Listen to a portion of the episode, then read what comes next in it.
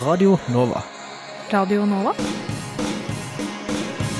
Du hører nå en podkast fra Radio Nova.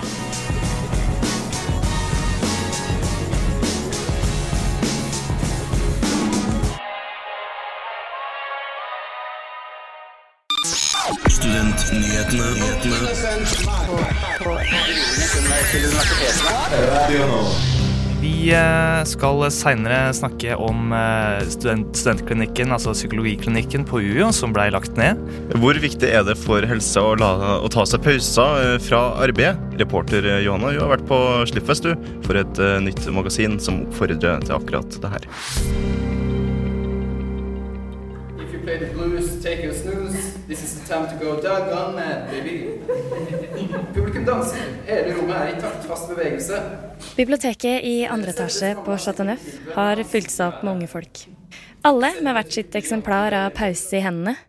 Og alle like spente for å høre studentene lese opp sitt bidrag til tidsskriftet. Løp løp, løp. Klarte ikke snu meg tilbake. Hjerneskvist av trang luft og sviende unger. Hodet det dunker, og jeg, jeg føler meg så feig, Peder. Jeg er så feig. Hver dag jeg er så fryktløs. Påstått at Pause det er et blad som skal hjelpe studenter, hovedsakelig, eh, med å ta seg pauser, særlig eh, altså i studietiden, og særlig nå med eksamensperioden rett rundt svingen. Tar du deg nok pauser? Eh, ja, jeg, eh, men det er greia. Jeg er dårlig til å ta med pauser. Jeg tar meg altfor lange pauser. Typisk pause. Lest i en time. Å, nå fortjener jeg eh, å se en episode på Netflix. Et eller annet. Og så blir en episode til fire, og det er vanskelig å stoppe. Det er nok mange som kjenner seg igjen i problemstillingen eh, til redaktør Anette Nærum.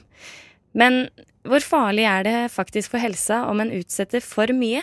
Jeg dro til studentpsykolog Kitty Bing for å finne svar. Det som kanskje ofte skjer, er at da virker liksom arbeidet man har foran seg, overveldende, og øh, med den konsekvens at man kanskje gir opp. Ikke orker å prøve engang, fordi det som gjenstår, er bare altfor mye. Man kan tenke at liksom Ja, men jeg har igjen Jeg rekker aldri å lese alt det pensum som jeg mangler, eller jeg kommer aldri til å klare å gjøre det bra nok nå på eksamen sånn jeg vil gjøre det. Eh, så da kan jeg liksom bare drite i hele greia. Møter du mange som føler at det ikke er bra nok? Eh, omtrent annenhver klient her inne, vil jeg si. Ja, ganske mange. Eh, for noen så er det jo et problem at de tar for mye på tallerkenen, på en måte. Altså at de tar på seg for mange eh, ting de skal gjøre det dritbra innenfor. Og i så fall så kan det være veldig lurt å ta seg en pause og roe litt ned. Har du noen tips til hvordan man kan ta fortjente pauser? For å ta en fortjent pause, så er det jo lurt å ha gjort noe nyttig først. Men jeg vil jo si at hvis man har gjort det, så kan man jo gi seg selv en klapp på skulderen og si at nå kan jeg faktisk eh, ta meg enten fem minutter hvor jeg sitter og sjekker Facebook, eller om det er en hel kveld fri til å gjøre noe helt annet, liksom, og noe gøy.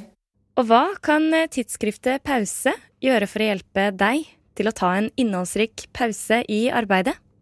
Der har du disse bidragene. En novelle, f.eks., i pause. Ta en pause fra uh, pugginga. Les novellen, og vend tilbake til arbeidet. Det er mye lettere enn å sette seg ned og slå på Netflix, for altså disse streamingtjenestene Når du har sett en episode, så begynner neste episode i løpet av fem sekunder. Det, og det er vanskelig å si eh, 'ellers takk, eh, Netflix', eller Viaplay, eller HBO, eller uh, det som er. Men med dette bladet så kan du legge det fra deg. Anettes tidsskrift vil altså hjelpe deg til å fokusere på arbeidet, og samtidig til å være litt snill mot deg selv ved å ta deg et lite pust inn i en fortelling. You better dance to this mamma thing. Joakim snurrer mammaen sin rundt. Bakerst på scenen er moren til Mogens plassert på alle fire foran Mogens. Han sparker moren sin forsiktig i magen for å etterligne bastromen. Og kjenner du at du fortjener en pause, blir tidsskriftet delt ut eh, ved Det humanistiske fakultetet på Blindern i dag klokka tolv. Eh, Med meg har jeg min eh, makker Ole Fredrik. Kunne du noen gang tenkt deg å bli sykepleier? Eh, sykepleier var vel egentlig aldri på min liste, sånn egentlig, men uh, har jo tenkt tanken. Uh, det ser jo uh, hyggelig ut. Det ser ut som de har på seg komfortable klær, i hvert fall. Det gjør det. Det er jo ikke så fryktelig mange menn som har blitt sykepleiere. Daniel og Daniel har mer enn bare navnet til felles. De skal begge bli sykepleiere. I en klasse på 30 studenter er det bare seks menn. Reporter Melina tok eh, toget til Sandvika for å høre om hva de mener om eh, kjønnsforskjellene i yrket. Og der kom legen, eh, sier den gamle damen. Og så er sånn Nei, jeg er sykepleierstudenten. Så blir verden snudd opp ned for den eldre damen. Daniel Wismark Westgård og Daniel Ødgaard Solberg studerer sykepleie ved Høgskolen i Oslo og Akershus. Dette var ikke nødvendigvis et naturlig valg. Man har egentlig ikke tenkt at det var et alternativ. Det er ikke noe du på en måte har vokst opp med, at du skal bli det. Det gikk ikke opp for meg at jeg kunne bli sykepleier før på en måte noen sa det til meg. Mange menn tror at det er et eh, kvinneyrke, og at de ikke tror at eh, menn eh, passer inn i det yrket, for jeg tror ikke de vet hva den rollen til sykepleier egentlig innebærer. Folk har vel fortsatt et bilde av at sykepleieren er søsteren på avdelingen som serverer mat og vasker og steller. Så glemmer man alt det medisinske arbeidet rundt egentlig hva en sykepleier gjør i dag, da. Man hører jo at kanskje noen kvinner passer bedre til omsorg. Jeg mener at ikke det er sant. Det er kanskje flere jeg, damer som trekker til omsorgsyrker. Det vil være naturlig, tror jeg. Men eh, de mennene som ønsker å jobbe i i et slikt yrke, de må jo få lov til å komme inn i de yrkene også. Etter ett år som sykepleierstudent har Westgård noen tanker om hva man kan gjøre for å endre den gale oppfatningen. Belyse yrket litt mer. Kanskje ikke la de menneskene som mener at det er kvinneyrke, mene det. Jeg syns at det skal være likestilt. Og når folk snakker om eh, mannlige sykepleiere, så tenker jeg alltid på de gamle mannlige sykepleierne. De som kommer litt sånn ironisk inn i rommet og sier jeg er søster Per. Og jeg syns det er sånn varmt og hyggelig og veldig morsomt. Men jeg tror at man må begynne å bli flinkere til å si at man er sykepleier, og at man har litt mer eierskap kanskje til den rollen som sykepleier, da, og alt det innebærer. Det er ikke nødvendigvis det at man har kollegaer som er damer eller menn. Jeg tror det er mer at pasientene og generaliserer hva sykepleieren er. Jeg tror jeg henger litt igjen, da. Spesielt kanskje de erfaringene vi har hatt. Da vi har vært på sykehjem. Der er det jo mange gamle pasienter, og de har jo ofte en eh, oppfatning av at eh, menn er leger og damer er sykepleiere. Det var jo ved flere anledninger jeg var på sykehjem og kom inn i rommet, og der kom legen! eh, sier den gamle damen, og så er jeg sånn Nei, jeg er sykepleierstudenten. Så blir jo verden snudd opp ned for den eldre damen. Det var altså en reportasje av Melinda der. Eh, Alle andre, Tusen takk til Daniel og Daniel og alle andre som utfordrer fordommer og fremmer likestilling. Oppfordring fra oss blir altså vis yrkets stolthet og fortsett å snu verden opp og ned for de eldre damene. Mandag kveld ble Velferdstingets tildelingsmøte avholdt. Oslo-studentenes idrettslag, OSI, eh, ble tildelt eh, 1 350 000 kroner i støtte. Universitetet skriver at styreleder i OSI, Silje Kappelslåen, er takknemlig for årets tildeling, men at vedtaket ikke er tilstrekkelig, og at det blir trukket med 250 000 kroner fra det de søkte om. Vår reporter Sonja har snakket med ledelsen i OSI, ikke om tildelingsmøtet, men om deres samarbeid med SIO og Atleti SIO Atletica, og hvor mye det egentlig koster å være med i OSI. Oslo-studentenes idrettslag, OSI, samarbeider med SIO Atletica for å tilby medlemmene sine en plass å drive med idrett. OSI består av 14 forskjellige idretter. Ni av idrettene har treningen sin i idrettshallene ved SIO Atleticas sine treningssentre. Det betyr at studenter som vil drive med en av disse ni idrettene, må i tillegg til avgiften i klubben betale et medlemskap i Atletica. Det utgjør 2100 kroner i kassen til SIO Atletica per student i året. Fredrik Øren Refsnes er direktør i SIO Atletica. Han forteller at 10% av studentmedlemmene i deres treningssentre er medlem i et studentidrettslag. SIO har et tydelig utbytte av samarbeidet med OSI, men hva får OSI ut av samarbeidet? Jeg lurer òg på hvordan samarbeidet påvirker studentene direkte. Jeg snakket med Rasmus Olstad Semmerud, daglig leder for Oslo-studentenes idrettslag, i håp om å få noen klare svar. Vi samarbeider jo tett med SIO Atletica, fordi det er der vi har treningsanleggene våre. Det er der vi har kunstgressbane, vi har flerbrukshall, vi har svømmeanlegg, eh, vi har saler til kampsport og dans. Um, Så vi har et tett samarbeid med dem for å kunne legge til rette for aktivitet til studentene vi har i, i OSI. For å spille f.eks. innebandy i OSI aktivt i ett år, koster det 4270 kroner, hvor 1000 kroner må betales inn på starten av året i dugnadsdepositum. Tar vi bort medlemsavgiften i Atletica, blir summen 2000 kroner billigere. Jeg lurer på om OSI hadde vært billigere for medlemmene om de hadde hatt en annen ordning med treningshallene. Altså, drømmen vår er jo å ha vårt eget anlegg, vårt eget klubbhus. Um, men om det hadde blitt så veldig mye, mye billigere, er vanskelig å si, for det hadde jo også blitt et annet kostnadsspørsmål, fordi det å drifte et, et idrettsanlegg da, med klubbhus og anlegg, um, det koster litt penger, det også. Jeg ville vite hva medlemmene i OSI syns om ordningen. Jeg tok derfor turen til Atletica på Blindern, hvor OSIs innebandylag og basketballag hadde trening. Det er en fungerende ordning. Det er litt kjedelig at alle må ha inngang her, men samtidig så er det ikke så veldig dyrt. Og man får jo trent på andre måter også. Eh, jeg syns det er greit, siden det er såpass lave priser. Så får du jo tilgang til treningsstudio. Det skadet eh, lommeboka en del på begynnelsen av semesteret. Jeg trengte egentlig hjelp helt i begynnelsen av foreldrene mine for å få råd til det. Kaja Stubo er leder for HiOA IL og forteller at hun er studentidrettsforening.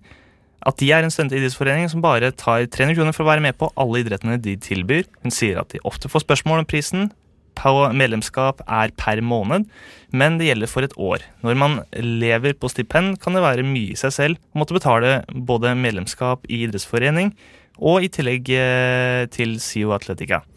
Vi forsøker alltid å gjøre det så billig som mulig for studenter. Det sier Kaja Stabu, leder i HiOA IL. Du hører på Studentnyhetene. Klinikken på Psykologisk institutt ved Universitetet i Oslo blei stengt forrige uke, og det er uavklart eh, om eh, når den eventuelt vil bli gjenåpna.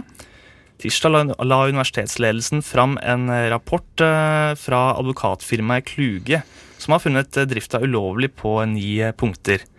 Vi har med oss viserektor for forskning og innovasjon, Per Morten Sandseth ved UiO, på telefon.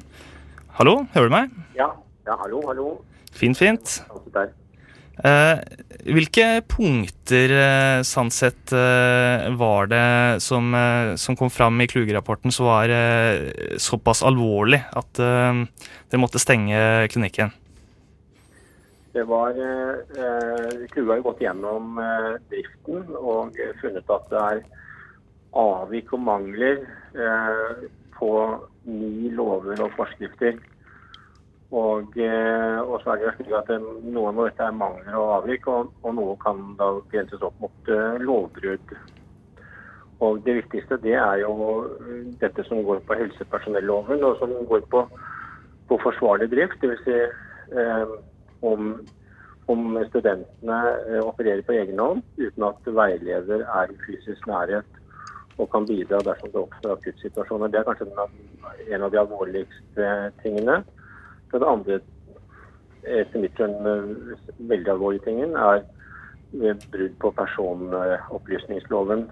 Så det mangler eh, rutiner og, og, og, sannsynligvis også, helt sikkert også konsesjon for håndtering av data, inklusive eh, opptak på, på video. Ja, riktig.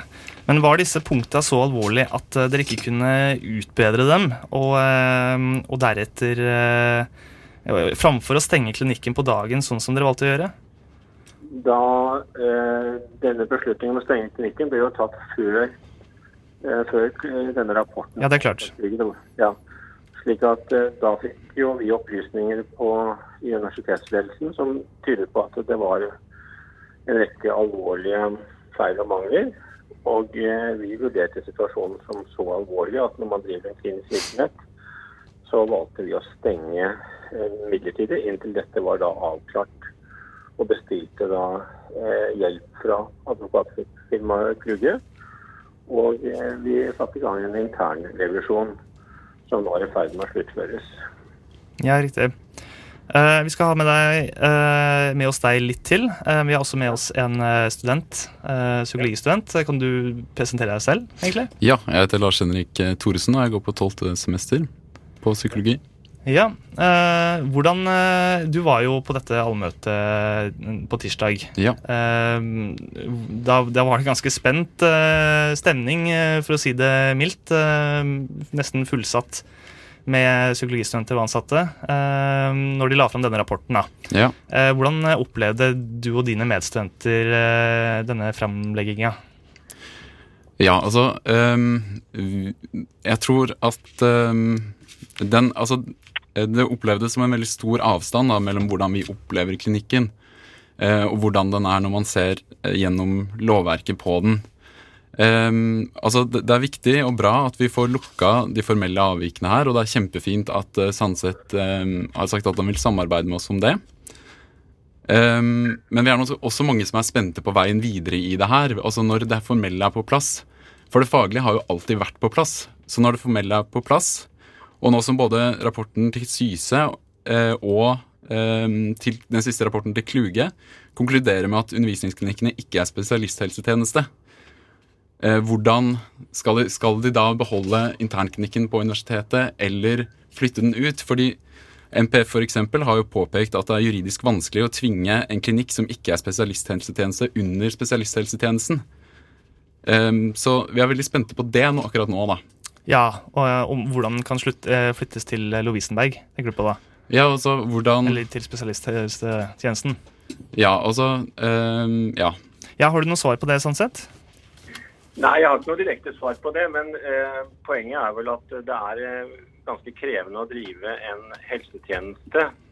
Og spørsmålet er jo om det er eh, hensiktsmessig og smart av universitetet å drive en helsetjeneste eh, selv. Eh, og, og, man kan vel si at eh, det som har vært avdekket nå, er vel at det er veldig mye mer krevende enn det man tidligere har trodd. og Det tror jeg alle både ansatte og universitetsledelsen er helt enige om etter at man har tenkt seg litt om. At, eh, at dette er faktisk eh, Her har man ikke fulgt med i timen. Det har vært store endringer i lovverk over de siste årene. og man har rett og slett ikke, ikke oppfylt systemkravene. Og så er spørsmålet om, om hvor mye til, eh, skulle til eventuelt for å få det til, slik at man kunne få en klinikk oppe på innad på universitetet? Eller er det mer hensiktsmessig å alliere seg da med en profesjonell partner som har systemene oppe? Eh, så det er, det er det som er spørsmålet. Vi tok en, en, en, det vi kaller en intensjonsbeslutning på at, at det er ikke hensiktsmessig å ha denne type helsetjeneste lokalisert eh, på universitetet. og at ja, riktig. At vi, kanskje, at vi kanskje da kan få et tryggere og bedre eh, Jeg mener også faktisk et bedre undervisningstilbud. Ja, fint. Eh, du har svart til det, Lars Henrik. Eh, ja, altså de får det jo til i Bergen. Eh, er jo eh, en, en ting jeg vil si. Eh, og en annen ting er jo at pasientene ved klinikken er jo veldig fornøyde med klinikken. Vi får veldig gode vurderinger. Og sånn som Sandseth selv sa i Dagsnytt 18, så er det ikke noen ting i veien med det faglige ved klinikken. Så vi har jo et aspekt som er veldig, veldig sterkt. Så når de her uh, formelle aspektene blir lukka, så syns jeg det virker veldig logisk å fortsette driften. Ja, dette blir jo en vurdering. Argumentet med Bergen kom jo, eller andre universitetsklinikker kommer jo opp, men det er jo ikke noen god, god, god, argumentasjon. Du kan si at de, alle de andre universitetene har nå en gjennomgang av sin drift. Og konklusjonen på hva det vil komme ut av det, det vet vi foreløpig ikke. Så, øh, så jeg, altså jeg og universitetsledelsen vi er jo opptatt av å finne den beste løsningen øh, for øh, for denne, denne virksomheten, og, og, slik at vi kan sikre at vi kan gi den beste undervisningen. Det er rett og slett, jeg, Vi har ikke noen annen agenda enn det. Ja, Vi har hatt veldig veldig, veldig god undervisning på klinikkene sånn som de har vært. Undervisningen har det jo aldri vært noe i veien med. Nei, jeg, jeg, tror jo absolutt at dere har hatt en veldig god at det, at det har vært et veldig veldig godt undervisningstilbud. og det, det, Uansett hva som skjer videre, vi, vi, jo, vi, må jo løse dette umiddelbart, slik at dere, dere, kan få den undervisningen altså dere har krav på. Og så dreier det seg om å få etablert et tilbud litt på litt mellomlang sikt. Og, og, og, så er det spørsmål hvordan, hvordan skal det endelige tilbudet være. Og, eh, og, det kan vi vel ikke akkurat si konkludere med per i dag. Det er jo dette er jo i så fall noe som vi må, må utredes mm. mer og må være gjenstand for uh, forhandlinger ja. også, med eventuelt hvis det skulle være på et helseforetak. Så. Ja, riktig. Jeg må nesten spørre deg om eh, vi har jo, altså, Dere har jo fått mye kritikk for eh, måten denne prosessen var gjennomført på, nemlig det at dere bare tok inn en avgjørelse. og Eh, det er mange eh, som føler at de ikke har fått eh, sagt sitt eh, i eh, saken. Eh, studentparlamentet ved Universitetet i Oslo la jo til og med ut en, en, en fiktiv dødsannonse hvor de hvor de at, eh, skriver at eh, demokratiet ved UiO ble brått revet fra oss den dagen eh, eh, ble lagt fram. Signert eh, programutvalget eh, og eh, fagutvalget eh, og studentparlamentslederen. Eh, burde ikke flere ha fått sagt sitt, nemlig programutvalget, fagutvalget og studentene, ha fått sagt sitt i denne saken? Alltid kan man diskutere hvordan beslutninger skal fattes. Da denne saken kom på universitetsledelsens bord, så, så, så var det slik at vi følte at vi ikke hadde noe valg, at vi måtte se for en beslutning der og da. Og så er det jo slik at eh, denne, denne saken har jo vært oppe eh, i instituttstyret på Psykologisk institutt flere ganger, og det har altså vært uenigheter. og Jeg kjenner ikke til detaljene rundt dette, men men, men det er helt riktig at, eh, at man kunne hatt en, en annen prosess rundt det. Hadde det ikke vært gitt alvorlighetsgraden som var her. Og, det, og vi ser vel at det dukker opp Det er ikke bare det som stopper her med Kluge-rapporten, men det, det kommer nå en internrapport som avdekker nye forhold. Og eh, slik at det, eh, eh, Jeg føler jo at eh, fokus fra, fra studentene er, er veldig fokusert på akkurat den ene vedtaket, og at, at vårt fokus nå burde være hvordan vi skal løse den utfordringen vi har. Ja, klart. Men studentene føler seg jo eh, egentlig litt eh, overkjørt. Eh, Lars Henrik, du kan få et eh, svar til det? Ja, og, ja, nå vil jeg jo si da at vi er jo altså er veldig, Jeg er veldig glad for at dere har kommet på banen, og at dere på en måte er opptatt av samarbeidet nå. At dere er opptatt av å lukke de formelle avvikene som er. Eh, det er kjempefint. Og så eh, angående noe du sa i stad, at liksom eh, Du sier at det her har vært oppe i ledelsen på PSI, Uh, og da vil jeg bare si at uh, de, de, Sånn som du også sa på Dagsnytt 18, så har jo ikke uh, klinikkene fått mulighet til å løse det her internt. Eh, så det er veldig Veldig bra da at de får muligheten til det nå, og får vise at eh, universitetet kan drive en eh, klinikk. Ja, jeg, jeg, altså jeg, jeg Kort svar. Er jo slik at eh, Jeg føler jo nå at, eh, at eh, både ansatte og studenter og er veldig opptatt av å finne løsninger. At, at er Vi har hatt møte i dag med, med de ansatte på det psykologiske institutt, og de er veldig glad, i hvert fall de uttrykker at de er veldig glad for at dette er nå blitt avdekket, at de, at det nå gis mulighet til å rette det opp. og Nå er det jo en stor prosess hvor alle de ansatte jobber sammen. Øh, øh, og med, med universitetsledelsen for å finne løsninger på dette. Hvor, hvor kan tidligst eh, klinikken bli igjen eh, åpne?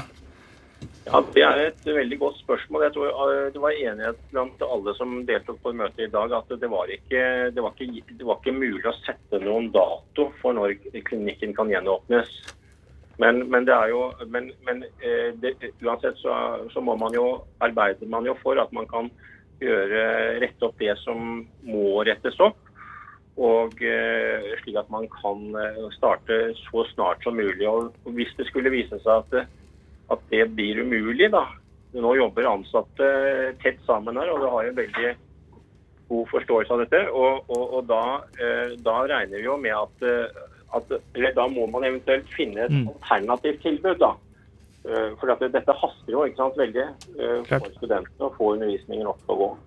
Ja, tusen takk for at eh, du ville være med oss, viserektor for forskning og innovasjon Per Morten Sandseth ved Universitetet i Oslo, og Lars, psykologistudent Lars Henrik Thorsen. Og nå er det tid for ukas nyhetsoppdatering.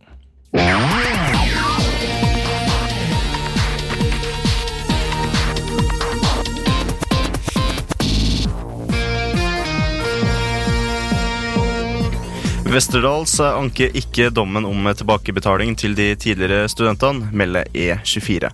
Det betyr at de betaler tilbake 29 millioner kroner, som gir et snitt på 60 000 kroner per student. Rektor ved Westerdals, Tine B. Widerøe, sa til Dagens Næringsliv at de med det her prøver å legge saken bak seg. Høgskolen i Oslo og Akershus ønsker 60 millioner ekstra fra departementet for å gjennomføre en storstilt satsing på tegnspråk. Det skriver Krono. Professor Arnfinn Murvik Von begrunner forslaget slik. Det mangler lærere som kan tegnspråk, og det mangler profesjonsutøvere og beslutningstagere med nok kunnskap. Norsk tegnspråk er et av de eldste og største minoritetsspråkene vi har i Norge, begrunner Von.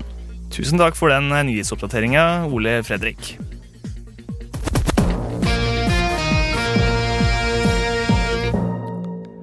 160 nåværende og tidligere psykologistudenter som har utdannet seg i Ungarn, får ikke godkjent lisensen sin i Norge, og har klaget inn saka til ESA, EFTAs overvåkningsorgan.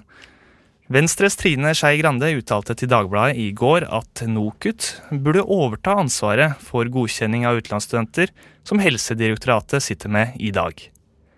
Dette med grunnlag på at eh, Helsedirektoratet forholder seg til ja, nei, men ikke setter saken i en større sammenheng når de vurderer. Hun får støtte av Senterpartiets Marit Arnstad. Dagbladet skrev også i går om Alexander Flåttorp, som har brukt fem år og 500 000 på å bli psykolog i Ungarn, for så å bli nekta lisens sju måneder etter at han søkte. Situasjonen er stressende og fortvilt. Det virker ikke som om Helsedirektoratet er opptatt av å løse situasjonen for utenlandsstudentene, men at det har gått prestisje i saken, sier han til avisa. Avdelingsdirektør Anne Farseth i Helsedirektoratet har begrunna avslagene med at utdanninga ikke leder til selvstendig utøvelse av yrket i Ungarn, ifølge ungarske myndigheter, og at de derfor ikke kan godkjenne den i Norge etter EØS-foreskriften. Du hø hører på. på Radio Nova. Denne uka har vært skepsisuke på eh, Blindern. eh, Og eh, vår reporter tok en tur dit på mandag og var med på noe som heter Grille en kristen. Der ble publikum oppfordra til å stille kritiske spørsmål om den kristne tro. Vi har fått med oss et panel, og de er klare til å bli grilla. Det vil si de er klare for å ta imot det dere skulle ha av spørsmål mot kristen tro. Panelet bestående av Karl Johan Kjøde, Ruth Severinsen og Johan Moan fikk en rekke ulike spørsmål fra publikum. Annet ble Kjøde, som er leder av Oslo Kristelig Studentlag, spurt om det finnes noen bevis for Guds eksistens. Et gudsbevis som det kaller han kosmologiske gudsargument f.eks., det er ikke et bevis for en kristne gud. Eh, Det kan være bevis for eh, Allah, det kan være bevis for Javé. Men eh, som kristen så er det da summen av alle spørsmålene en stiller, og summen av svarene en eventuelt får, som eventuelt leder mot en konklusjon. Og det vil jo da i mitt tilfelle være mot den tredje Gud og mot Jesus som min frelser. Grillen kristen var første arrangementet i Skepsisuka 2017. Maren Karoline Lindstad Skråmestø er med i arrangørkomiteen, og jeg spurte henne om hva denne uka egentlig går ut på. Denne uka her så ønsker vi å sette kristen tro i loopen og sjekke om kan det være troverdig, kan det være sant, kan det være relevant å være kristen i dag. Så ønsker vi at mennesker skal få lov til å komme med sine spørsmål, og at vi skal få lov til som kristne å svare ærlige på ærlige spørsmål eh, og gi ærlige svar tilbake. Jeg tror det er veldig mange som har veldig mange tanker om hva kristne egentlig tror på, og også kanskje mange vrangforestillinger. Skepsisuka arrangeres på Blindern, men er dette tilbudet unikt for Oslo-studenter? Det er noe som skjer overalt i Norge, overalt egentlig i Europa og i verden. Så vi er en del av en internasjonal bevegelse. Sånn at hvis du ikke går på universitetet her på Blindern, så kan du gå et annet sted og finne en skepsisuke der. Ja, skeptisk. Er du skeptisk? Ja, du er glad i å være skeptisk, er du ikke? Ja, glad i å være skeptisk. Nova er best. Alle andre er tapere. Radio Nova.